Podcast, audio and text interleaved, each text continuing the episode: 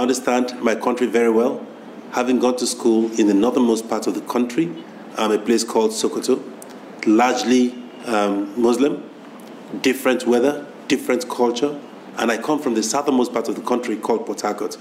Wani sashe kenan daga cikin muryar marigayi Herbert Wigwe da ke yawo a shafin sada zumunta na TikTok inda yake bayani akan darasin rayuwa da ya samu.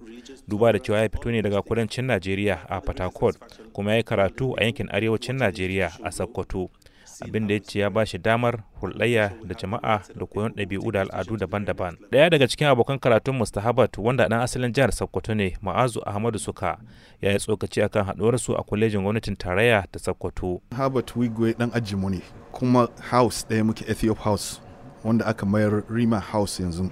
A lokacin da muka shigo Federal Government College uh, 1976 muka shiga Form 1 da shi muka shiga Form 1. to amma 1979 muna maganan shiga aji huɗu kenan. Sai ya yi transferring ya koma federal government college wari can ne ya karasa studies din shi.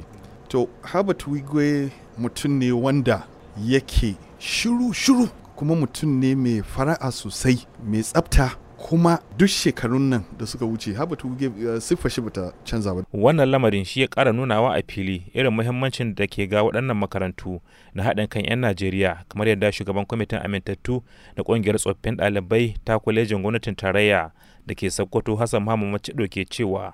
Kafin wannan ɗan kudu na shakkun shi zo arewa, ɗan arewa na shakkun ya je kudu. Amma yanzu duk wanda ya yi waɗannan makarantun ne, wallahi ina tabbata ma ba dai a bashi labari ba. Sai dai shi ya zama ya ba da labarin irin haba-haba da, da kuma irin kyakkyawan halaye da suka kawo mai kyakkyawan fahimta ta yadda zai duk inda ya zauna a ƙasar nan zai cewa gida ce gare shi.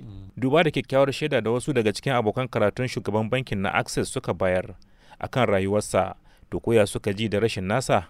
Ma'azu suka yana mai cewa gaskiya rasuwar wigwe ya, ya taɓa ni ƙwarai da gaske. Duk da yake muna yara da muka rabu. Kasan akwai wasu mutane waɗanda uh, impact ɗinsu ko komin nisansu rayuwarsu tana tana resonating da mutane. Shi kuwa hassan muhammad macido ya bayyana cewa kimanin sati ɗaya ko sati biyu kafin rasuwar shi akwai wani tsokaci da yi da kira ga mutane da cewa a ɗauki rayuwa ba bakin komai ba. Wanda bai da wannan cikakka natsuwa da sani ya kamata ba zai kalama irin waɗannan ba.